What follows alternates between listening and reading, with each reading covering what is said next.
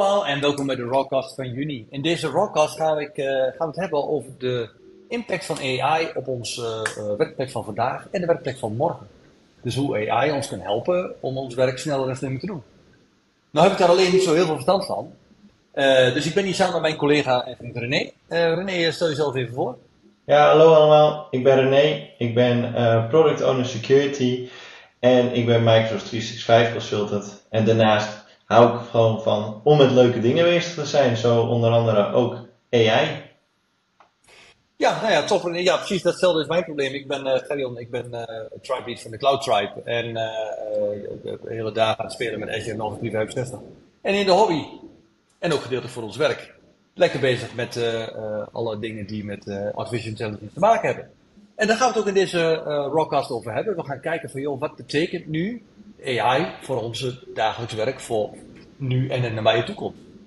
Uh, want een klein beetje, zeg maar, hoe komen we nou hierbij? Uh, eind vorig jaar heeft natuurlijk uh, de OpenAI Club heeft de wereld opgeschud door JetGPT breed uit te rollen. En toen kwamen we er in één keer achter van, hé, hey, dit is vet gaaf. We kunnen gewoon, in plaats van met Bing iets zoeken, met Google iets vinden, kunnen we gewoon ChatGPT om een antwoord vragen. Hoeven we niet bezoeken, we stellen een vraag, we krijgen een antwoord. En als we het niet snappen, kunnen we het antwoord nog laten verduidelijken. Dat is natuurlijk wel, zeg maar, next level van wat we uh, willen om snel onze informatie tot ook uh, uh, binnen te halen. Dat is natuurlijk wel vet cool. Dus dan kijken we even van, hé, hey, maar, en, en toen zei Microsoft, hé, hey, dat is gaaf. Hier heb je 10 miljard, shut up and take our money. Want wij willen dit gaan integreren in onze volledige stack. En toen zagen we denk ik alle dingen, gaaf dingen gebeuren binnen Azure en binnen Office 365 als uh, Copilot en, uh, en uh, OpenAI. Dus de OpenAI implementatie binnen de Azure dienstverlening. En dan wordt het helemaal gaaf. want nou ja, weet je, wij zijn natuurlijk al een beetje aan het spelen met het Copilot, maar als je dan kijkt naar de grand scheme of things, we hebben OpenAI, waarmee we natuurlijk al binnen de Azure-omgeving dingen kunnen doen. Hè, NLP kunnen koppelen, natural language processing kunnen doen op bijvoorbeeld uh, Power Virtual Agents en dat soort dingen. Maar je hebt ook dat hele Copilot gebeuren, waarbij je dus een AI-integratie hebt binnen je Office 365 suite. Hoe, hoe zit dat in elkaar dan? Nou ja, de naam zegt er natuurlijk al, Copilot. Dat betekent eigenlijk ja, dat het jouw hulpmiddel is. Het gaat ook niet ons dagelijks werk uh, vervangen. Dus we zullen altijd ons werk behouden. Alleen waar, je wel de kracht in ziet, is dat bijvoorbeeld het, het makkelijke werk, dat, het standaardwerk, daarin kan je ons, ons gewoon helpen. We kunnen aan uh, Copilot vragen, schrijven een, uh, een standaard mailtje met dit onderwerp, dit moet erin staan. En, en schrijf voor mij daar een mailtje waar ik voorheen zelf moest nadenken om een mail te schrijven waar ik kwartier mee bezig ben schrijf nu Copilot, dat voor mij in, in één minuut pas ik wat dingetjes aan en verstuur ik het, ben ik in, in, in vijf minuten, heb ik een hele mooie mail getypt waar voorheen ik een kwartier mee bezig was. Ja, en, en dat is nog maar één dingetje. Hè. Je kunt dus wat gebruiken in mail, maar uh, waar ik het stiekem voor misbruik is bijvoorbeeld uh, PowerPoint, weet je. Dan moet je voor een klant een presentatie maken. En uh, je kunt dan inderdaad in Copilot bijvoorbeeld zeggen, nou weet je, ik wil graag een presentatie gebaseerd op dit document, uh, met deze, deze steekwoorden, het moet ongeveer hieraan voldoen, en ik wil graag een beetje vrolijke opmaken, een beetje, hè, maak maar wat. En dan komt hij inderdaad met een voorstel. En dat voorstel moet je inderdaad nog even bijschaven en een stickertje plakband en een beetje bijkleuren. Maar het gaat je wel helpen inderdaad om dingen sneller te doen. Het helpt echt als je, iedereen die zegt ik ben ChatGPT niet nodig, die moet het maar eens even gaan proberen. Maar ook als je bijvoorbeeld wat informatie moet hebben of je wil even uh, uh, een, een, voorzet voor een blog, weet je, soms heb jij dat ook wel eens bij een blog, die bezit je even vast. Daar helpt dit soort dingen in. Als je kijkt naar hoe kan Copilot je helpen inderdaad. Als je, stel je moet inderdaad een zware brief schrijven over een, een of ander moeilijk onderwerp. Nou, dan kan Copilot jou helpen met informatie van het internet en, uh, en, en artikelen om jou inderdaad een mooie basis te geven waar ik naartoe moet. Wat ik wel mooi vind, uh, René, dat zagen we laatst ook in de presentatie, dat we ook zeiden, we hebben het Copilot genoemd. Omdat je zelf de baas blijft inderdaad. Hè? Hij gaat niet dingen van jou wegnemen, hij gaat jou helpen. Ja, en wat het voordeel van, van Copilot is vergelijking tot JetGPT is, dat Copilot echt kijkt naar alles binnen jouw tenant. De data blijft ook, wat Microsoft zegt, binnen jouw tenant. En je kan tegen Copilot zeggen, ik wil bijvoorbeeld een offerte gebaseerd op deze offerte in het verleden, alleen met andere prijzen of wat dan ook. En dan hoef je niet alles opnieuw te maken. Alleen ja, hij pakt ook de data alleen die binnen jouw tenant staat. En daarbij is wel heel belangrijk dat de data binnen jouw tenant, dat dat ook up-to-date is. Anders ga je garbage in, garbage out. Ja, ja. Ja, je zal niet de eerste zijn. Nou ja, weet je, dat probleem hebben we nu ook. Hè? Als er informatie in het, in het document hebben staan die niet klopt, dan, en wij bouwen daarop voor dat is de basis niet goed, dan klopt het eindproduct ook niet. Maar dat wordt nu inderdaad met al die uh, de functionaliteiten wordt het alleen maar spannender. Ja, en daardoor komt het stukje governance op, op jouw data, wordt hierin echt super belangrijk. Ja, ja, ja. dus hoe zeg je het mooi hè? Nieuwe kansen bieden nieuwe problemen. Ja. En nieuwe mogelijkheden bieden ook nieuwe uitdagingen. Dus je ziet inderdaad dat uh, hè, die koopwaarde dat gaat ons helpen. Uh, het gaat ons leven makkelijker maken. Hè. Uh, ik denk alleen dat ook als je kijkt naar de adoptie voor de medewerker, dat we hier nog wel een kleine horde te nemen hebben. Omdat we ook die mensen even mee moeten nemen in het is niet eng, het is gaaf en het gaat je helpen. Ja. Maar je moet hem wel op de juiste manier voeden. Ja, en ook uh, dat mensen zijn bang om een, baan te verliezen. En daar denk ik dat het grootste adoptiestuk in zit. Alleen ja, wij moeten de mensen bewust ervan maken dat uh, Copilot hun niet gaat vervangen, maar dat ze het leven makkelijker gaat maken, zodat ze zich op de zaken kunnen focussen die er echt tot doen, die Copilot nooit uit onze handen zou kunnen nemen. En dat is bijvoorbeeld beslissingen maken. Ja, ja, dat gaat Copilot niet voor ons doen. Uh, dat gaat ons wel steunen uiteraard, maar het gaat, ja. het gaat geen besluiten nemen. Nee, uiteindelijk moeten wij nog steeds zeggen wat we gaan doen en het uit gaan voeren. Dus, uh, maar het is als je kijkt naar uh, hè, wat maakt je leven makkelijker. Als je een applicatie hebt die je gewoon in je Office Suite aan kan roepen, die je zegt, uh, weet je, doe maar even een mailtje, een afwijzingsmailtje voor een sollicitant, professioneel en gebaseerd op de motivatiebrief die hij gestuurd heeft. En je hebt een mooi mailtje waar, waarin in zijn bewoording de sollicitant op een professionele maar nette manier wordt afgewezen. Nou, ik uh, zit soms wel eens met te worstelen hoor, als je een sollicitant hebt, dat je dat op een juiste manier uh, wilt afsluiten voor, die, voor diegene. Dat is soms wel zo uitdagend. Ja, en wat het voordeel ervan ook is, is dat, dat het toch, ondanks je het door Copilot laat doen, toch wel weer persoonlijk overkomt en niet zo'n standaard afwijzingsmailtje van je bent het helaas niet geworden. Nee, je kan dan echt duidelijk een gepersonaliseerde afwijzingsmail sturen.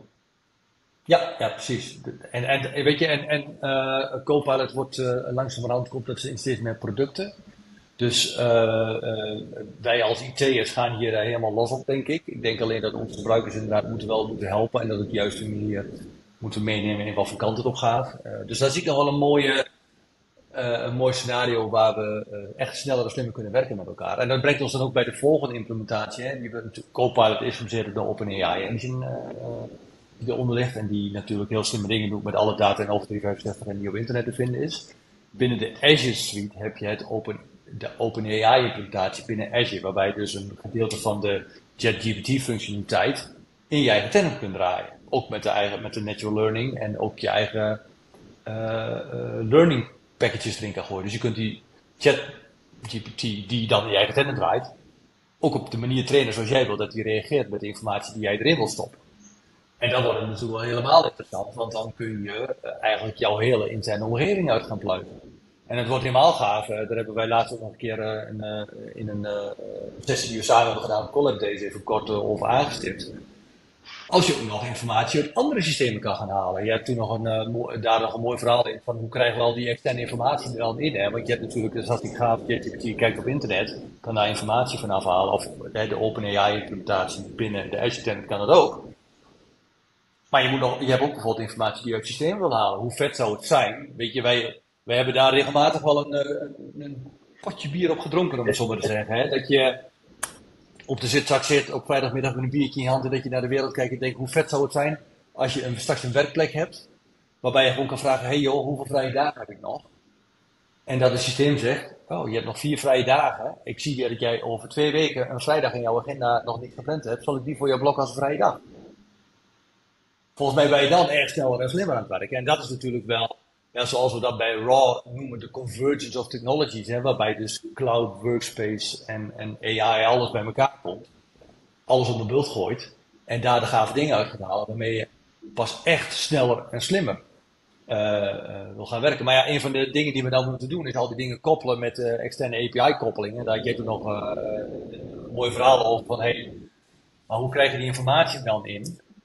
want dan zit je natuurlijk een stuk met security. Ja. En er komt natuurlijk ook een heel stuk aan kijken van, hey, uh, op compliance, hè, wat mogen we, wat kunnen we, wat, wat, vindt de, wat vindt de regering van, welke informatie mogen we allemaal geven?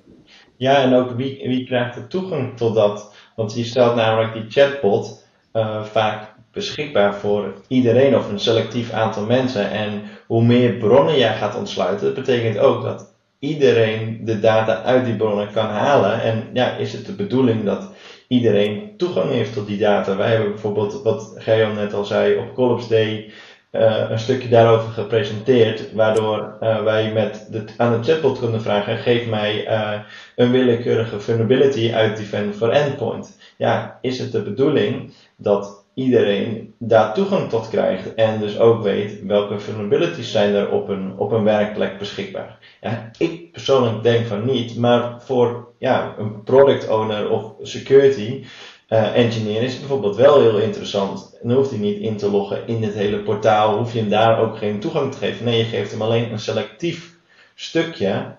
Alleen ja, dan moet je dus wel zorgen dat jouw chatbot daarop gaat acteren en dat niet iedereen dat ook allemaal kan opvragen.